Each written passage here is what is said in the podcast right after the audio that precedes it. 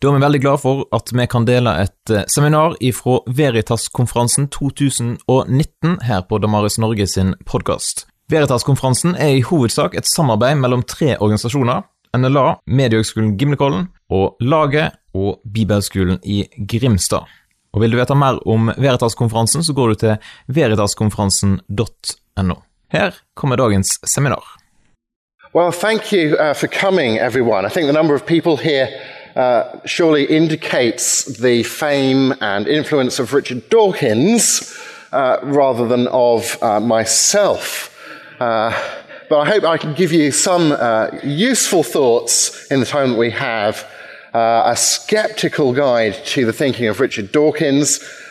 you can also look at this as a primer in critical thinking or uh, as I've put a, a sub subtitle there, uh, six logical fallacies, bad ways of arguing, illustrated from the works of Richard Dawkins. If you don't know, Professor Richard Dawkins, FRS, Fellow of the Royal Society, FRSL, Fellow, uh, Fellow for the Royal Society of Literature, is uh, a so called neo or new atheist. He's a zoologist. He's emeritus professor at a New College of Oxford University. Uh, he was the University of Oxford's first ever professor for the public understanding of science between 1995 and 2008. Uh, he came to prominence uh, publicly through his popular science books, uh, such as The Blind Watchmaker from 1986 and uh, Climbing Mount Improbable uh, from 1996, which we'll mention later. But it was his anti theistic polemic, The God Delusion, 2006, and recently published in an updated edition with sort of expansions at the beginning and the back uh, in 2016. That book has sold over 3 million copies. Uh, so that has made him very well known and a very influential uh, a voice in people's thinking these days about the God question. And he recently published a new book aimed at a young adult audience called Outgrowing God. Uh, and my project at the moment is to write a book directly responding to Outgrowing God. Uh, I've got to hand it in to my publisher at Easter, so I'm, I'm busily working away at that at the moment. Dawkins appears to endorse an open minded, evidence led search for the truth. So he will say things like this Did Jesus come alive again three days after being crucified? There is an answer to every such question, whether or not we can discover it in practice. And it's a strictly scientific answer. But to be genuine, an investigation of such claims must include a commitment to following the evidence, even if that entails changing your worldview on the basis of the evidence. Unfortunately, Dawkins rejects such an evidence led inquiry on what philosophers call a priori or non evidential, before experience uh, grounds. So he says this in his uh, children's book, The Myth of uh, the Magic of Reality.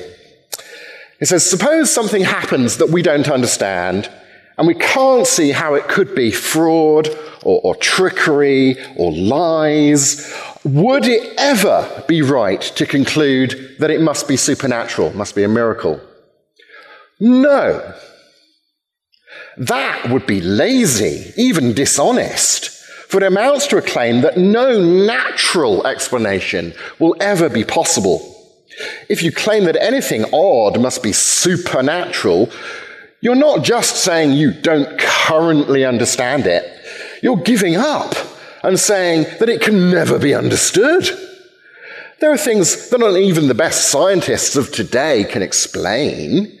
But that doesn't mean we should block off all investigation by resorting to phony explanations, invoking magic or the supernatural or miracles, which don't actually explain at all. But the conclusion that a given event was a miracle Well, that naturally amounts to the claim that no true naturalistic explanation of the event is possible. But one might as well accuse naturalistic explanations of blocking off further discussion or investigation. I mean, there's a sense in which any explanation brings inquiry to an end. I mean, that's what explanations are kind of for, isn't it? Dawkins here begs the question against miracles. He, he deduces their status as pure fiction from his naturalistic presuppositions. He does that without any regard for what the evidence might say. And in light of Dawkins' statements about, say, the resurrection of Jesus being a strictly scientific question, this is what philosophers call holding a double standard. Let's look at the question, the issue I guess Dawkins is most famous for talking about and has talked about publicly for the longest time, what we might call the organic design argument. We assign the burden of proof, who has to argue for something, with what British philosopher Richard Swinburne calls the principle of credulity, the principle of when to trust something. Swinburne says it's a basic principle of knowledge, which he calls the principle of credulity, that we ought to believe that things are as they seem to be until we have sufficient evidence that we're mistaken. And Swinburne points out that if we we didn't do that and tried to do the reverse, then basically we'd hardly ever believe anything because we'd always need evidence for the evidence for the evidence and so on ad infinitum. In other words, if it looks like a duck, reckon it's a duck until you've got reason for doubt. Well, Dawkins famously says at the beginning of The Blind Watchmaker that biology is the study of complicated things that give the appearance of having been designed for a purpose. So we have here a very intuitive design argument that we could put like this. One, the principle of credulity. We ought to believe that things are as they seem to be as they appear to us to be until we have evidence that we're mistaken. But two, biology is the study of complicated things that give the appearance of having been designed for a purpose, from which it follows that three, therefore, we ought to believe that biology is the study of things that were designed for a purpose until and unless we have sufficient evidence that we're wrong, that we're mistaken about that. Going a little deeper into this question of design, here's Dawkins speaking about uh, what's called specified complexity, and I'll illustrate this concept in a few different ways for you. Dawkins says that you and I and every other living creature are machines of ineffable complexity, complexity of a magnitude to challenge credulity. But as a philosopher, I appreciate the fact that he takes the time to really define what he means by complexity here. And, it's deeper than you might think just from the standard definition of the term. So he says complexity here means statistical improbability in a non random direction. Statistical improbability in a non random direction, the direction of seeming designed for a purpose. Actually, Dawkins, in several places, uh, implicitly and explicitly acknowledges that specified complexity is a plausible indicator or test for design. So, in an article in Free Inquiry magazine, Dawkins says that specified complexity takes care of the sensible point that in the unique disposition or arrangement of its parts, a pile of detached watch parts tossed around in a box is as improbable as complex in the standard meaning of the term as a fully functioning, what he calls genuinely complicated watch.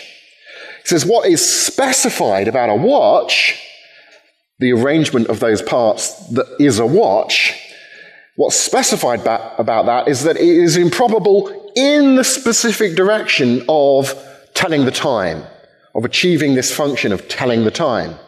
Whereas all the other equally statistically improbable arrangements of parts wouldn't do that, or at least most of them wouldn't do that. In The Blind Watchmaker, again, he has this illustration of uh, finding an unlocked safe. He says, of all the equally improbable positions of the combination lock, that's complexity, only one opens the lock. That's a specification. And Dawkins argues that the best explanation of an open safe is that someone knew the specific and complex combination, that it's open by design and not for any other reason, such as luck. So here is what we might call Dawkins' design argument.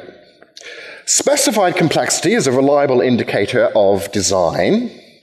Nature contains specified complexity. Conclusion, therefore, nature contains a reliable indicator of design. And Dawkins affirms both premises of this logically valid argument.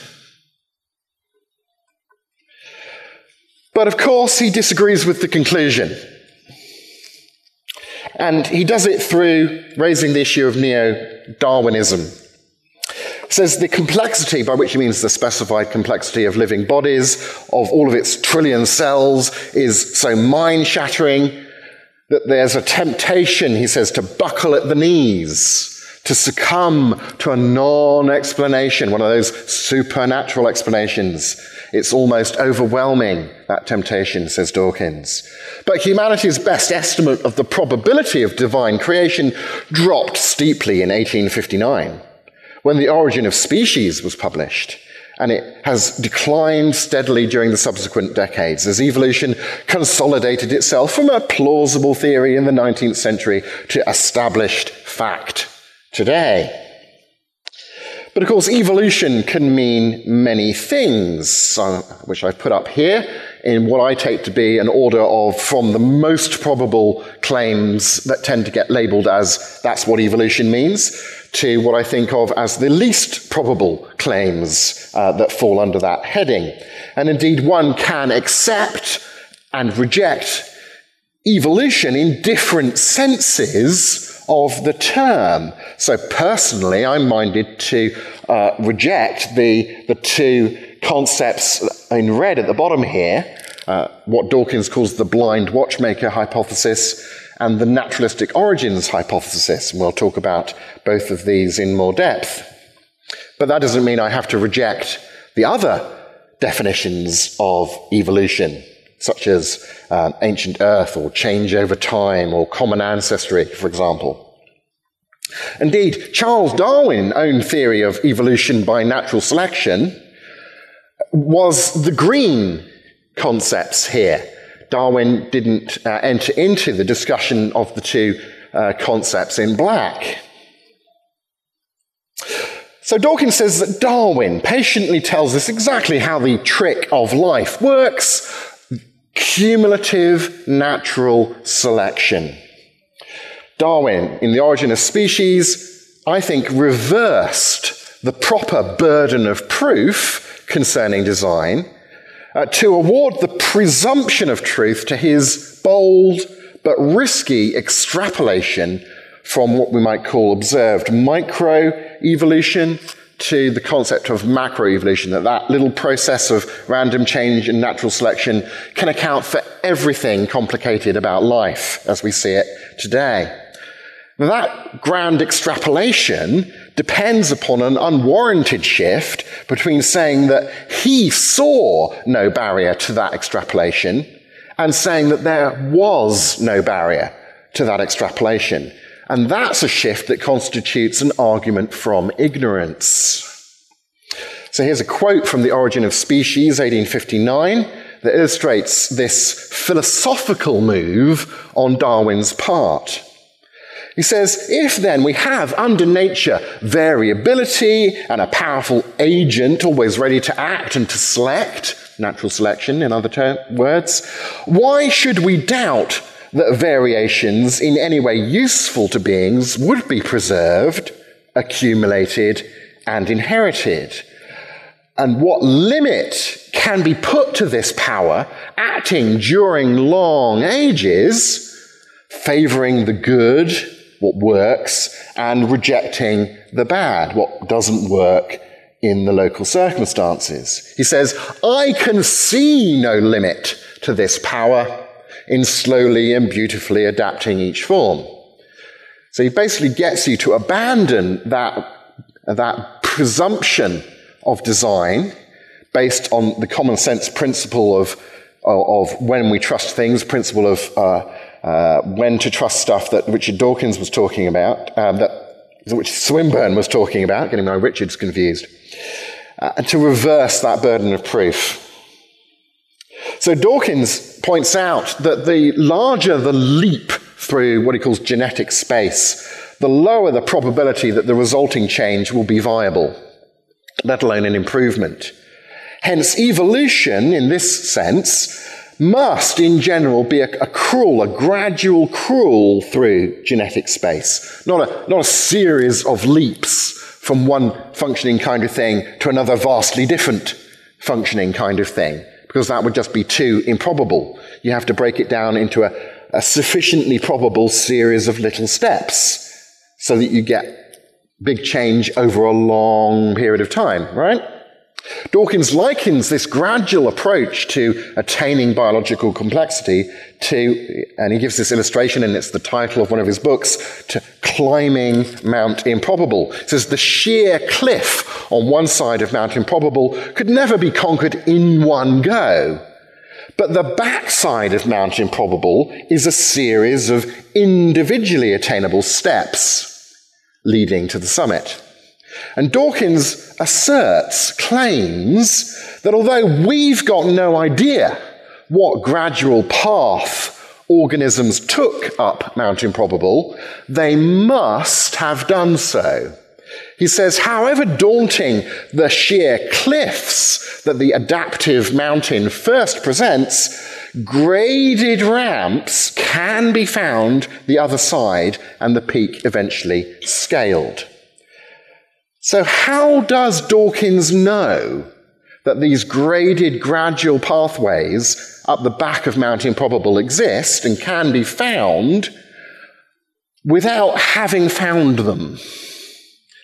He says, without stirring from our chair, we can see that it must be so. He's doing philosophy. Because nothing except gradual accumulation could, in principle, do the job. What job? The job of explaining life without mentioning design. Yeah? It's obvious that the gradual accumulation, natural selection, is not the only possible explanation, which therefore must be true, because Dawkins is here arguing for the blind watchmaker thesis as an alternative to the design temptation, to the design argument. So here, Dawkins is clearly begging the question in favor of the macroevolutionary extrapolation and explanation against a design inference in those cases. He says there cannot have been intermediate stages in that series of steps and the pathway there can't have been intermediate stages between here and here, amoeba and you, um, that were not beneficial. There's got to be a series of advantages all the way that can be selected. Uh, if you can't think of one, then that's your problem, not natural selection's problem. He's still pulling the same reversal of the burden of proof move.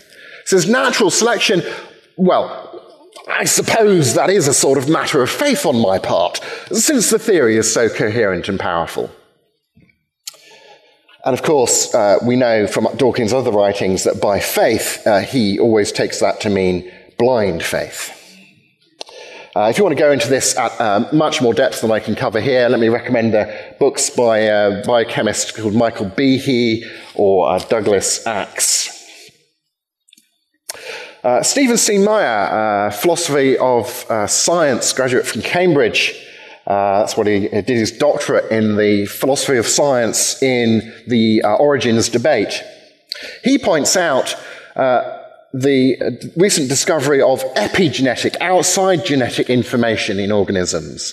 He says the information in DNA is necessary but not sufficient, needed but not enough to build whole organisms. So DNA sequences can mutate indefinitely and still not produce new body plans, new types of animal. Consequently, the mechanism of natural selection, acting on random mutations in DNA, cannot, in principle, generate the epigenetic information that's necessary to build and produce a new body plan, a new type of creature. As atheists, Jerry Fodor and Massimo Patelli Palinarini, I probably slaughtered that in Italian, I'm sorry, um, say in their book what Darwin got wrong. Uh, as atheists, they argue we don't know what the mechanism of evolution is. As far as we can make out, nobody knows exactly how phenotypes, different types of creature, evolve. So actually, Dawkins' appeal to a neo Darwinist explanation for the variety and complexity, specified complexity within the organic realm, how phenotypes evolve, is a red herring. That is an irrelevant distraction from the actual issue. It doesn't actually address or cover the issue that needs to be covered concerning the origin of life able to undergo evolution, which is something you have to have in place before evolution in, in the, the neo Darwinian sense can take place, Dawkins' appeal to natural selection is, of course, a red herring.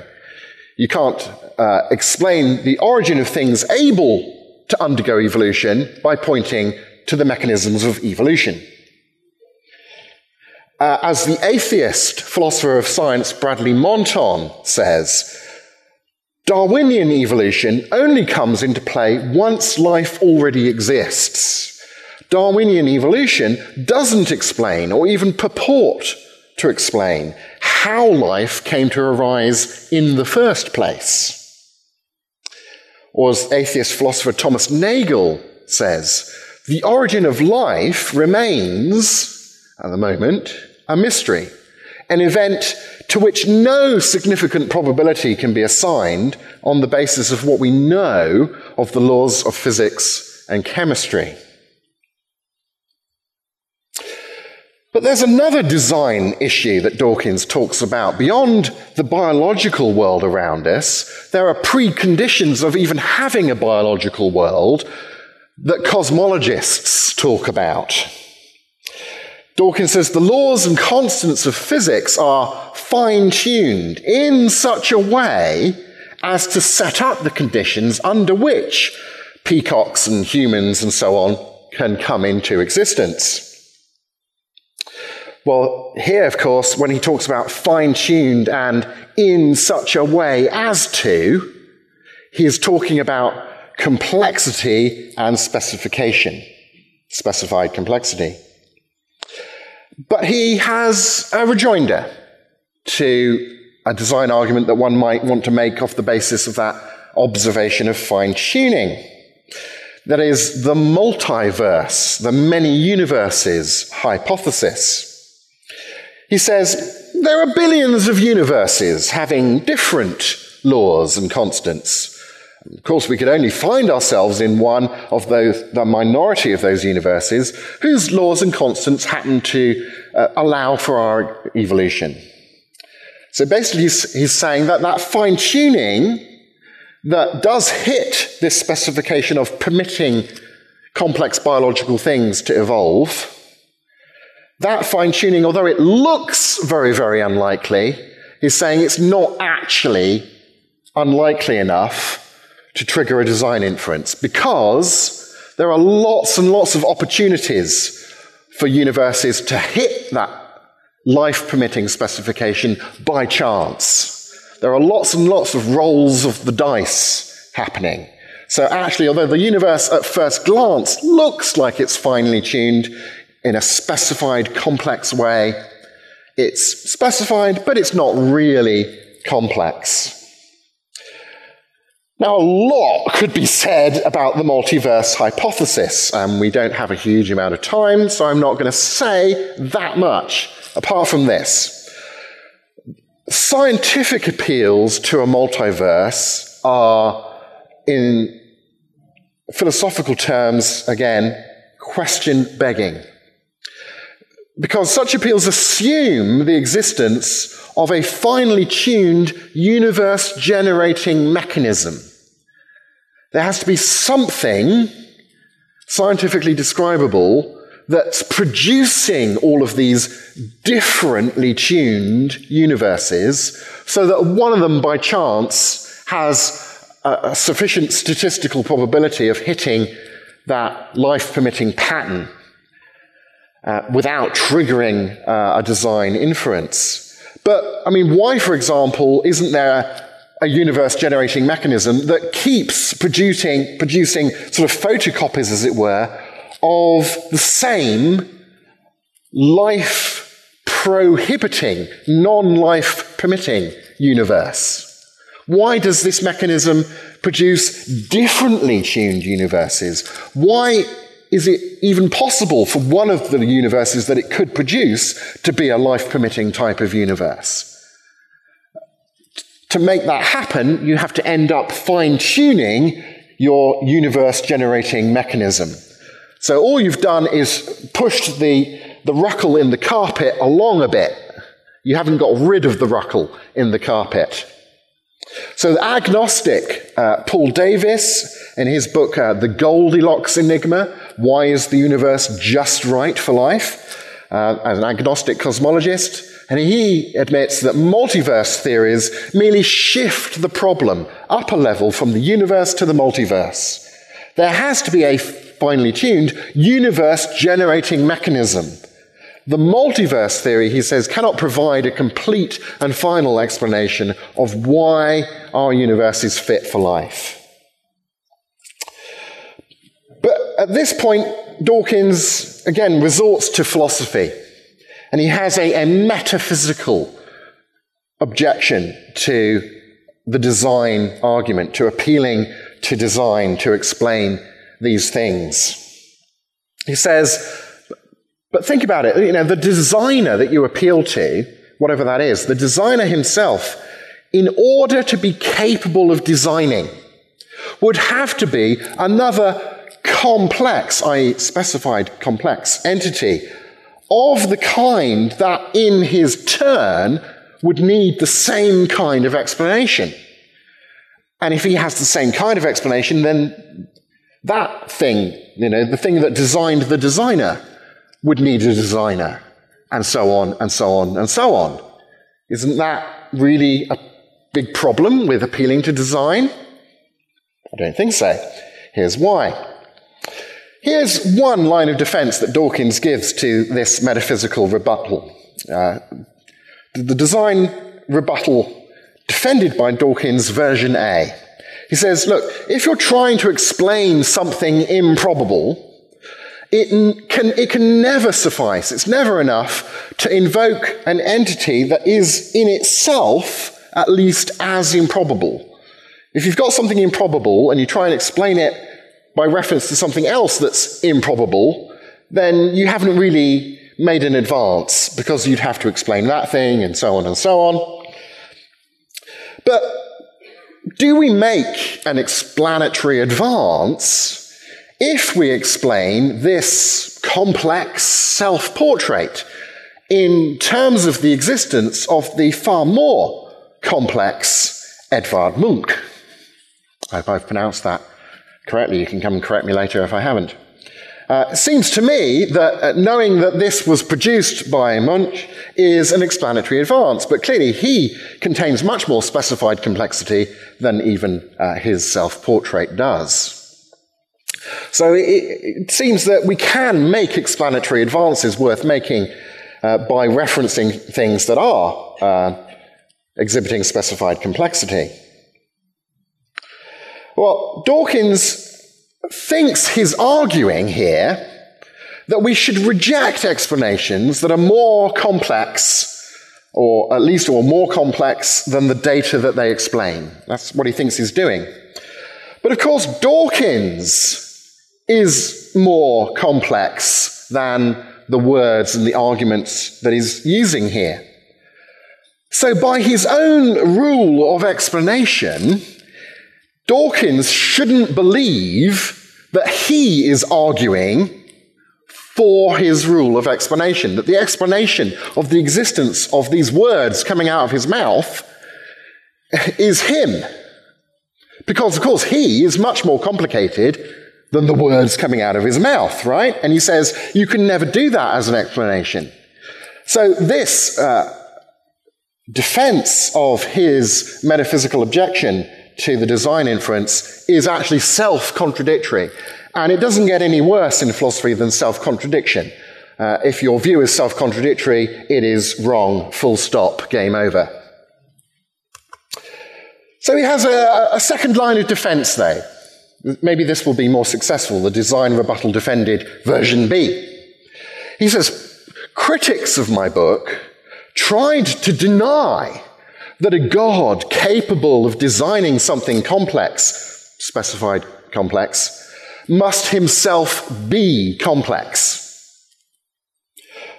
Okay, but, you know, why think that God must be complex in that sense rather than simple? For thousands of years, theologians have discussed the complex uh, uh, issue, as it were, of God's simplicity, after all. Dawkins says, look, God has to be clever enough to calculate the exact values of those physical constants that would fine tune the universe to permit life. Uh, you call that simple? God has enough bandwidth to listen to the prayers and the praises of billions of people simultaneously. The one thing God cannot be if he's to match up even minimally to his job description, is simple. Hmm. In a discussion uh, hosted by the agnostic philosopher Sir Anthony Kenny, Kenny uh, was obviously getting a bit frustrated, I think, and he stepped into the conversation between Dawkins and uh, Archbishop Rowan Williams here. And he made the point uh, of distinguishing, as philosophers like distinguishing between things, it's kind of our day job. Um, he distinguished between what he called complexity of structure and complexity of function. Um, and knowing that he was talking to non philosophers, like I am, usefully, he gave a nice, really nice illustration of this distinction, this difference.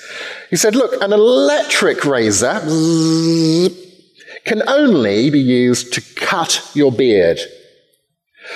But the cutthroat razor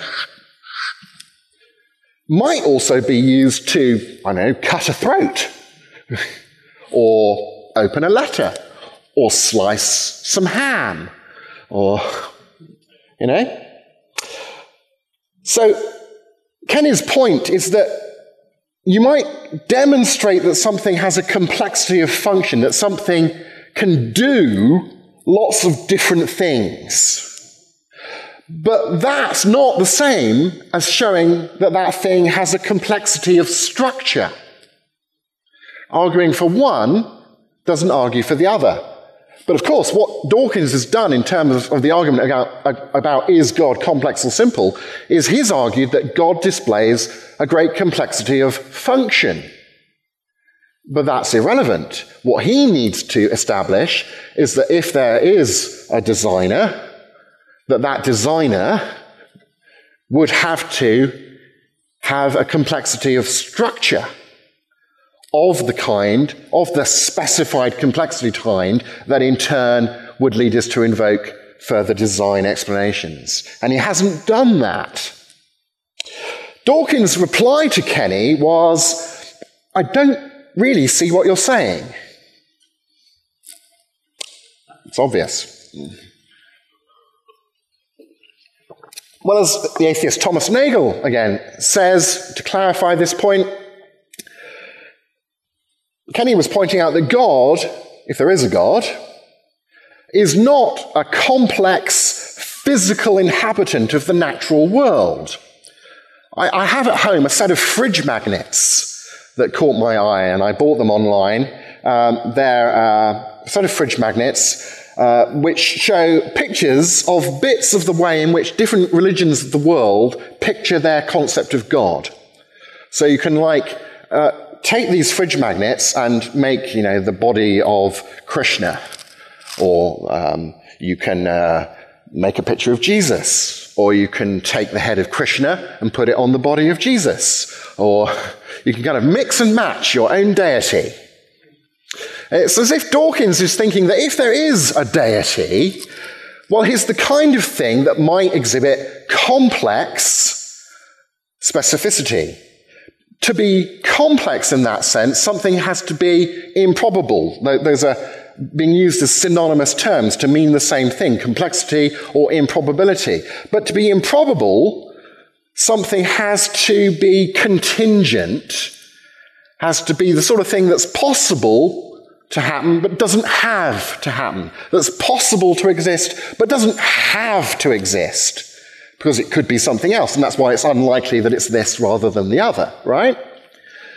But theists have traditionally thought of God as a being who, if he exists, exists necessarily, not as a contingent object or a contingent, one improbable arrangement of bits out of all the possible arrangement of bits of God that you might rearrange, like rearranging fridge magnets of Krishna and Ganesh and Jesus.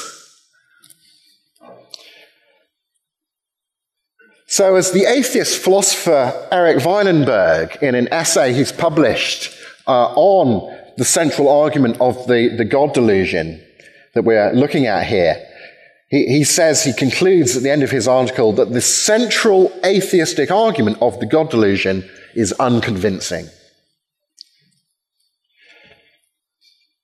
So, must God be complex in that specified complexity sense rather than simple? None of Dawkins' observations is an argument showing that to fulfill his job description, God must be complex and not simple in the relevant sense of the term. Dawkins equivocates, switches between meanings over the terms complex and simple in order to beg the question against God being maybe a simple, necessary being. Or think of it this way his, his famous book was called The God Delusion, but if he'd called it The Created God Delusion or The Contingent God Delusion, it probably wouldn't have sold as many copies. There aren't very many theists who believe in a created or contingent God, right? One last issue to wrap up with uh, what philosophers call the meta ethical, the moral argument. Um, Dawkins says there's also the moral version of the God temptation. Well, that immediately makes a philosopher of religion think of this meta ethical moral argument. This is what you'll find if you go to any introductory philosophy textbook or collection of introductory essays about arguments for God. This will be the kind of moral argument you come across.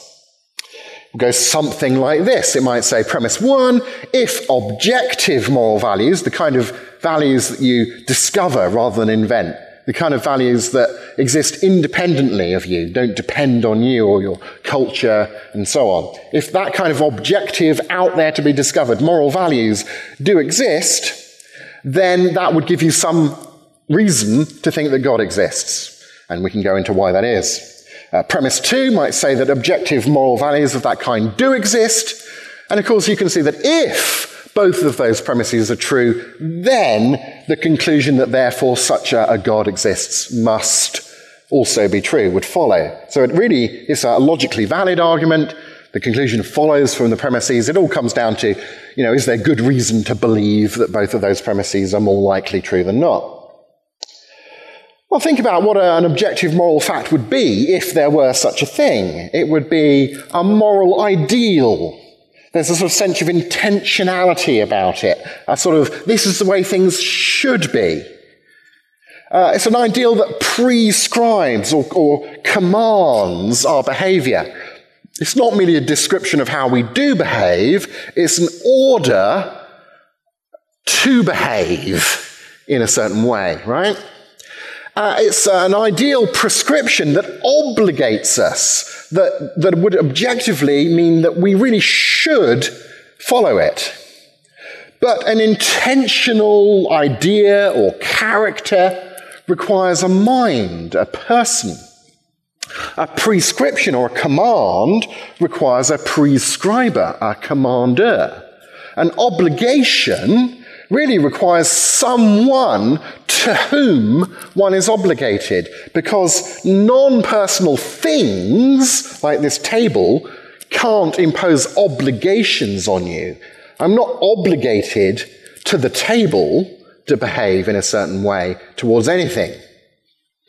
I might be obligated by the owner of the table to treat it with respect. So here's Dawkins on what he describes as that moral temptation, the moral argument. He says, without God, it is said, though he doesn't really say by whom, where is the inducement to be good? What are the sanctions against bad behavior? And Dawkins complains about basing moral decisions on the fear that our every move is being watched. Oh no. So we need to kind of suck it up uh, to an obsessively vigilant God, like God is Big Brother watching us through the, the CTV cameras all the time to make sure we behave. Uh, a God who's inexhaustibly interested in what goes on in our beds.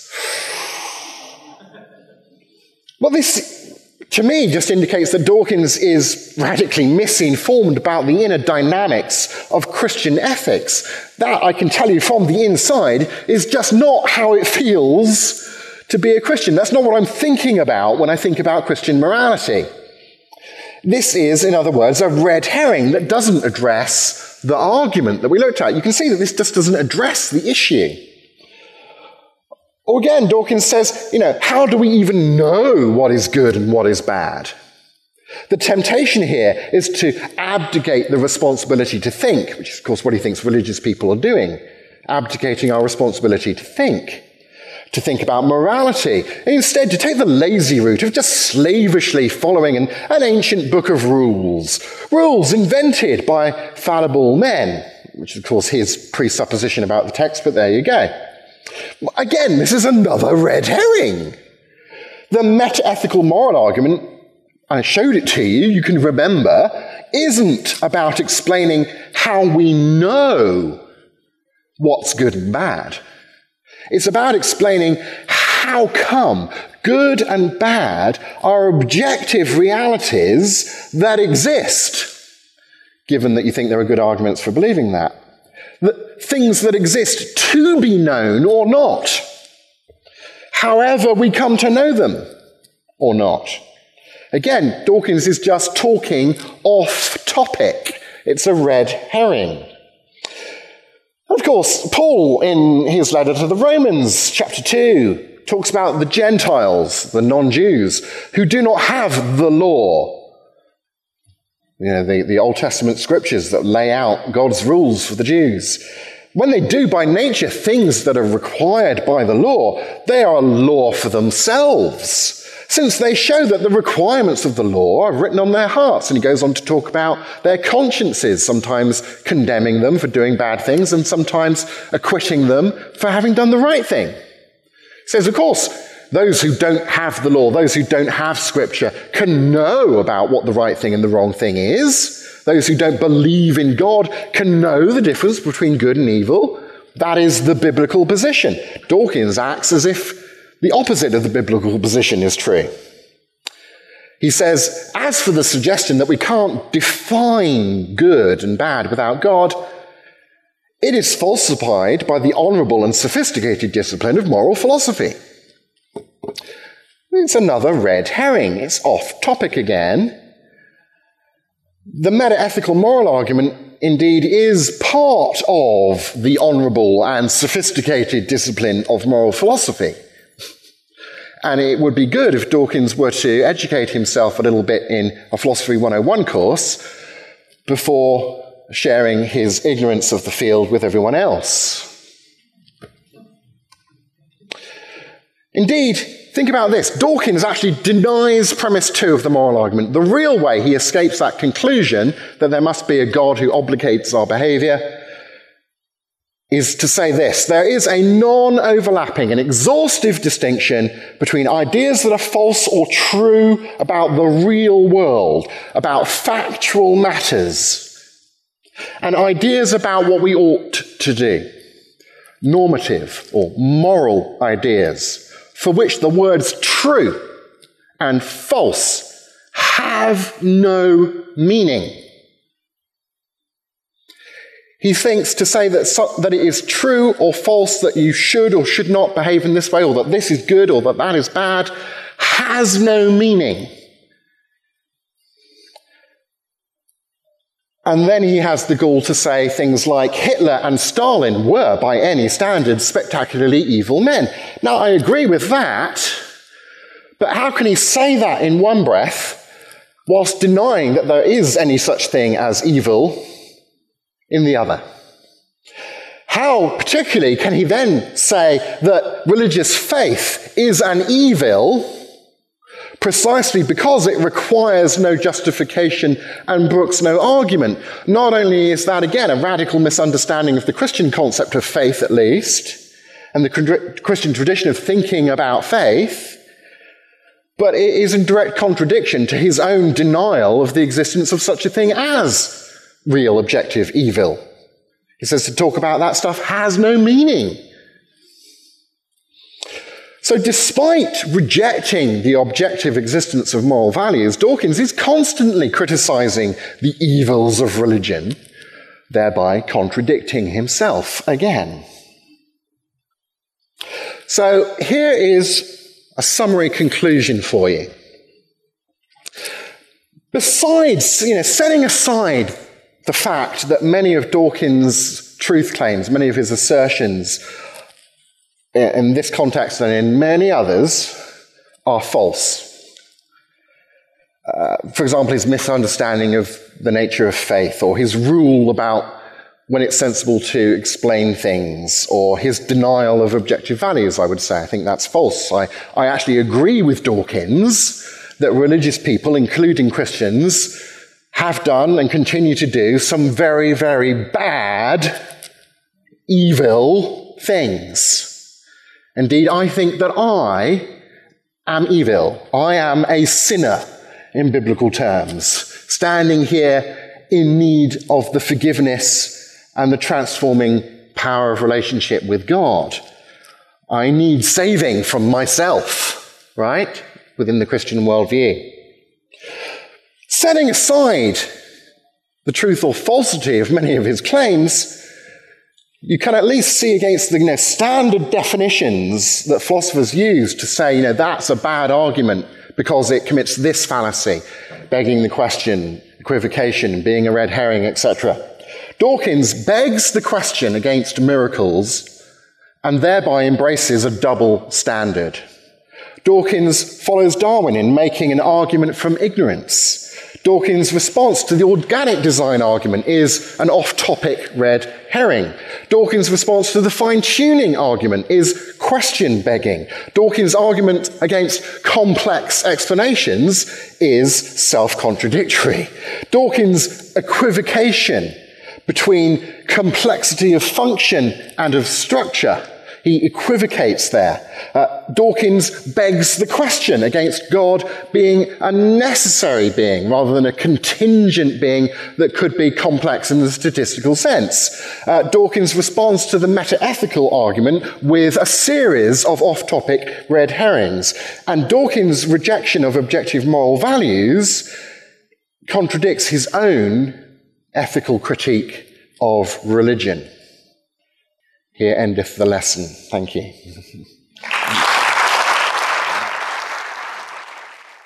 Takk for at du lytter gjennom dette seminaret her. Og Skulle du ønske at flere fikk med seg det gode innholdet, ja, da kan du jo faktisk dele seminaret med noen, eller tipse dem om seminaret i sosiale medier.